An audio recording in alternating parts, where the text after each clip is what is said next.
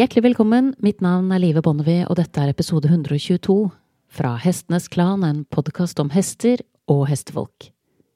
Jeg har flere ganger tidligere trukket fram hestens unike plass i kunsten, som strekker seg mer enn 12 000 år tilbake i tid. Hesten var vårt foretrukne motiv allerede i steinalderen, og dette var på en tid der hesten verken var tam eller sto på listen over dyr vi hadde på menyen. Forskerne kan rett og slett ikke forklare hvorfor hesten var førstevalget til steinalderkunstnerne, selv om det er lett for alle å se at det var tilfellet. Vi finner hester avbildet overalt, og avtrykkene etter høvene deres har vært å finne rett ved siden av våre egne fotavtrykk i flere tusen år, og det er langt fra tilfeldig. Selv i dag, lenge etter at vi har fått tanks med larveføtter og biler med flere hundre hestekrefter, så spiller hesten fortsatt en svært viktig rolle i mange menneskers liv.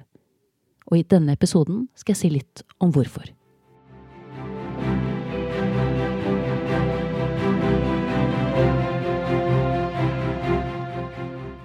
Hesten som symbol er av mange forbundet med status. Rike folk har som kjent oftere hest enn fattige folk. Og hesten forbindes med makt, noe som ikke er så rart når de største imperiene i verden er bygget av rytterfolk. Og dette er jo relativt oversiktlige størrelser. Hesten var verdens første krigsmaskin, og vi skal ikke langt tilbake i tid før det var så enkelt som at den som hadde hestene, vant krigen. Det er også verdt å merke seg at de fleste store ledere opp gjennom tidene ikke bare sitter til hest når de blir avbildet, eller når statuer av dem reises på torg eller åpne plasser.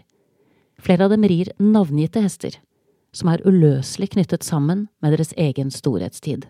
Det er knapt mulig å tenke seg at Alexander hadde vært den store, hvis han ikke hadde hatt den svarte krigshesten Bukefalos, eller at Napoleon skulle bli en fyr vi gikk rundt og hadde et forhold til i dag, hvis han ikke hadde sittet på araberhingsten Marengo. Hvem hadde disse to mennene vært hvis de hadde måttet stå på sine egne ben? Og la oss ta for oss en annen stor statsleder, Winston Churchill, som hadde to meget berømte sitater som begge er knyttet til hest.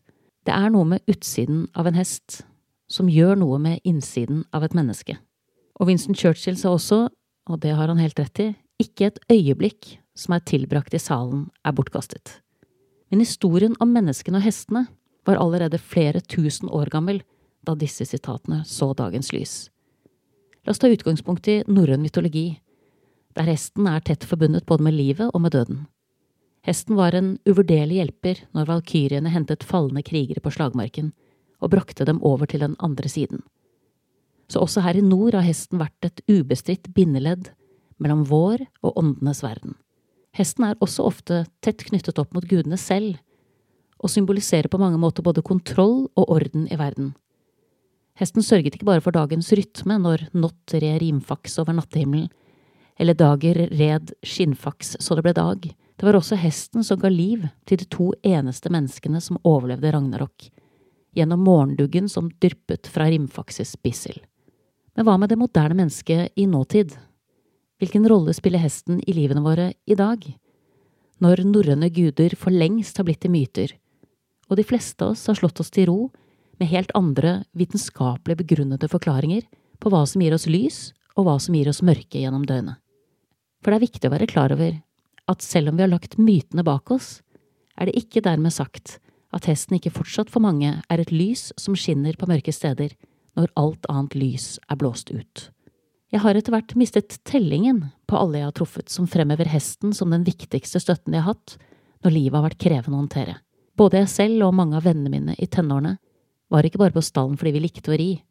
Vi var der fordi vi trengte et sted der det var mulig å være seg selv, et sted der det var mulig å puste fritt, og et sted der vi følte dyp tilhørighet. Og ikke minst et sted der vi fikk dekket et essensielt behov som alle levende vesener har. Behovet for å bli sett, hørt, følt og forstått. Og det er få andre som kan romme dette behovet bedre enn hesten, for den ser, hører, føler og forstår, med en sanselighet og en tyngde som langt overgår de fleste andre vi omgås, det være seg dyr eller mennesker. Hesten har en unik evne til å påvirke oss positivt den påvirker vår fysiske, psykiske og sosiale helse. Og jeg tror det handler om flere ting. Å tilbringe tid med hester er meditasjon i sin reneste form. Uten at du trenger å tenke på at du mediterer. Ei heller anstrenge deg for å stenge hverdagen ute. Med hesten skjer det automatisk, helt uten anstrengelse. Hesten har også med rette blitt beskrevet som en firbent følgesvenn på kongeveien til vår egen underbevissthet. Hesten er en gudbenådet terapeut, både for mennesker som sliter med å koble seg av, og mennesker som sliter med å koble seg på. Og som gjesten i episode 95, tilbake i salen 20 år etter, sa så presist, ja, jeg har kroniske smerter, jeg bare merker dem ikke når jeg er i stallen. Hvor mange liv hestene har reddet opp gjennom historien, finnes det ikke noe eksakt tall på. Men neste uke så skal du få møte én som takker hestene for at de fortsatt lever. Da skal vi snakke om hvor små marginene mellom liv og død kan være noen ganger. Og ikke minst skal vi snakke om hvor mye større disse marginene blir. Hvis du er velsignet med å kunne kjenne varm hestepels under hendene og har en myk mule mot kinnet. Du har nettopp hørt episode 122 fra Hestenes Klan, en podkast om hester og hestefolk. Og jeg vil benytte anledningen til å takke alle dere som delte de tre forrige episodene, fordi jeg syns at de tematisk sett er veldig verdt å dele. Og jeg kan jo se på sosiale medier og følge med på statistikk at da jeg kom med oppfordringen del dette, så var det veldig mange av dere som tok meg på ordet. Og jeg har lyst til å takke hver og en av dere for den innsatsen. Det er godt kjent at store endringer ikke oppstår på grunn av ett menneske som flytter seg, men når vi er en gjeng som flytter oss sammen. Da gjenstår det bare for meg å takke min faste komponist Fredrik Blom, og sist, men ikke minst vil jeg nok en gang takke deg, kjære lytter, for tålmodigheten. Måtte hesten for alltid være med deg.